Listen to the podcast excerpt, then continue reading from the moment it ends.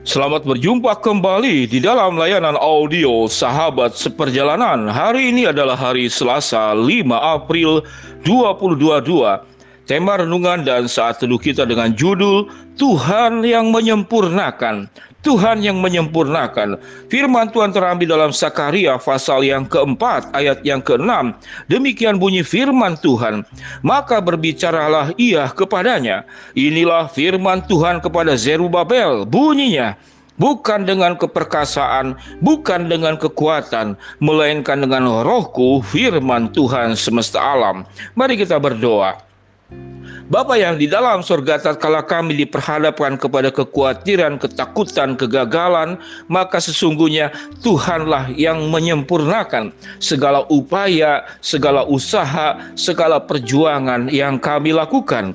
Dalam nama Tuhan Yesus kami berdoa. Amin. Shalom sahabat perjalanan yang dikasih Tuhan. Temanya adalah Tuhan yang menyempurnakan.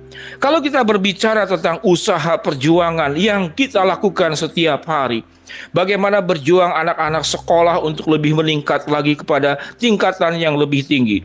Bagaimana sahabat seperjalanan yang bekerja supaya dapat penghasilan yang lebih baik lagi. Bagaimana sahabat seperjalanan yang buka toko, yang berusaha, yang mengerjakan segala sesuatu untuk terus punya peningkatan demi peningkatan di dalam waktu ke waktu. Namun kenyataan yang terjadi adalah kadang-kadang stagnan, kadang-kadang mundur atau beberapa bagian kehidupan dari sahabat seperjalanan itu gagal total. Seakan-akan balik lagi ke nol.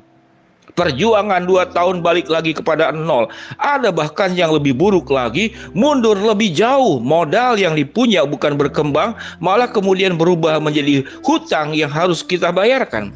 Sahabat seperjalanan yang dikasih Tuhan, yang menjadi sebuah pertanyaan, di mana peran Tuhan dalam kehidupan kita? Dan firman Tuhan yang kita baca, Allah menjanjikan dalam Zakaria pasal keempat ayat yang keenam.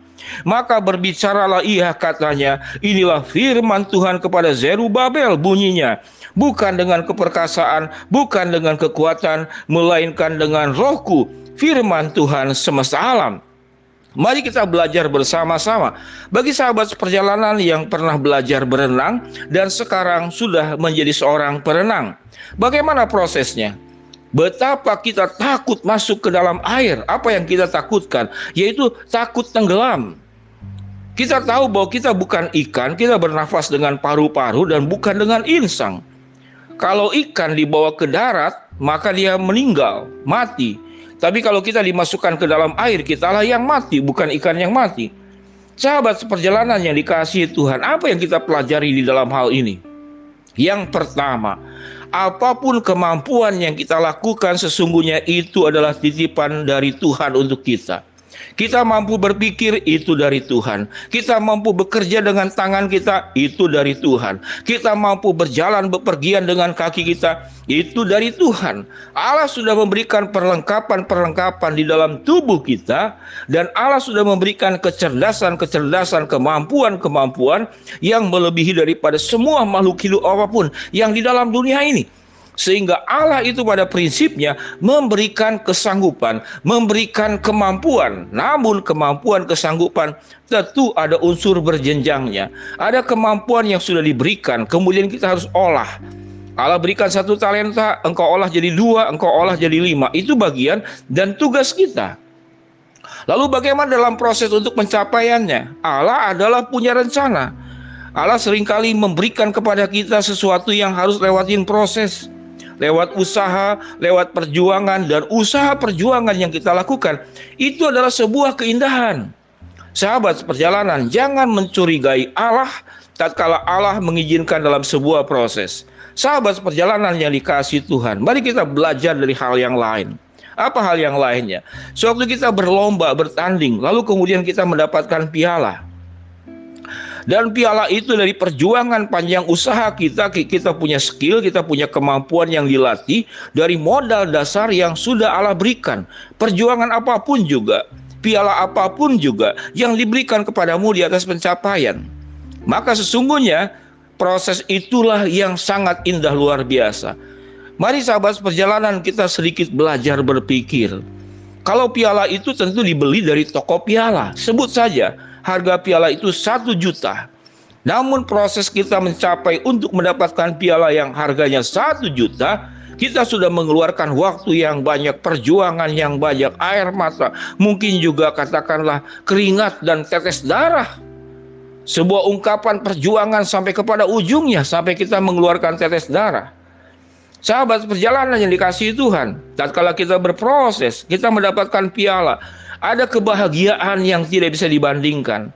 Kalau seandainya sahabat seperjalanan, kenapa bersusah-susah untuk mendapat piala yang harganya satu juta, dua juta? Kalau anda beli toko piala, eh, kalau anda itu bisa beli di toko piala. Kalau kita kemudian tukar saja, sahabat seperjalanan tidak perlu berjuang, mau olahraga apa, mau pencapaian apa. Misalkan anda juara bulu tangkis dunia. Maka tinggal beli piala yang cuma 2 juta, sebutlah 5 juta, kalau itu yang bagus. Lalu tulislah namamu sendiri dan tulislah bahwa engkau juara satu tunggal putra atau tunggal putri di dunia. Pertanyaannya, ini dengan mudah didapatkan tinggal beli. Tapi pasti saya percaya sahabat perjalanan akan memilih piala dari sebuah proses perjuangan yang panjang. Sehingga perjuangan dan usaha di dalam dunia ini buat saya adalah sebuah keindahan. Kalau kita diam, kita tidak berbuat apa-apa, tiba-tiba mendapatkan keindahan proses itu, tidak kita miliki, kita tidak jalani. Dan kemampuan sesuatu yang Tuhan titipkan kepada kita, yang kita kembangkan, tidak pernah melekat di dalam diri kita. Kita bisa jadi juara bulu tangkis, tapi kita tidak pernah punya keterampilan karena Anda membelinya dari toko penjual piala, bukan dari sebuah perjuangan. Sehingga dengan demikian sahabat seperjalanan, Allah memberikan proses. Namun tak kala dalam hidup ini kita berjuang, kita sudah berproses, kita sudah melakukan bagian kita dengan sebaik-baiknya dan tidak mencapai kesempurnaan tidak mencapai apa yang kita harapkan. Ingat, di sanalah kemudian Allah menambahkan kemampuan demi kemampuan kembali ke dalam kehidupan kita. Apa yang firman Tuhan katakan? Inilah firman Tuhan kepada Zerubabel bunyinya, bukan dengan keperkasaan dan bukan dengan kekuatan, melainkan dengan rohku, firman Tuhan semesta alam. Keperkasaan, kekuatan Allah yang memberikan ada yang diberikan terlebih dahulu kepada dirimu, lalu engkau kembangkan, engkau menjadi terampil, engkau punya pengetahuan, engkau mencapai sebuah kesuksesan tertentu dalam pendidikan, dalam ekonomi, dalam kesehatan, ataupun dalam pencapaian hal-hal yang lainnya. Kemudian Allah kembali menambahkan kemampuan, menambahkan berkat buat engkau. Pada saat di titik jenuh, titik nadir, kita tidak sanggup lagi berjalan. Bukankah Allah menolong Musa dengan bangsa Israel masuk ke dalam tanah Kanaan sewaktu mereka sudah menjalankan usaha dan upayanya dan kemudian terhimpit kiri kanan depan belakang oleh musuh-musuhnya. Maka di sanalah keperkasaan dan kekuatan Tuhan ditambahkan kepada bangsa Israel. Demikian juga kita. Jangan takut, berjalanlah terus Allah akan menolong apa yang kita kerjakan selama yang dilakukan adalah sesuai dengan kebenaran firman Allah. Berjalanlah, tangkaplah janji Tuhan, keperkasaan dan kekuatan Tuhanlah yang akan menolong engkau mencapai segala sesuatu yang kau perjuangkan dengan janji yang sudah Tuhan berikan kepada kita. Mari kita berdoa. Bapa yang di dalam surga terima kasih Tuhanlah yang menyempurnakan apa yang tidak sempurna yang sudah kami kerjakan di dalam segala hal. Kami bersyukur untuk kebaikan Tuhan dalam hal ini.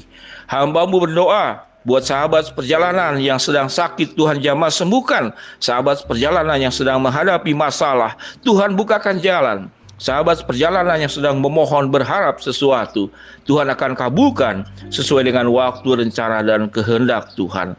Dalam nama Tuhan Yesus kami berdoa. Amin. Shalom sahabat perjalanan, Tuhan yang menyempurnakan. Amin.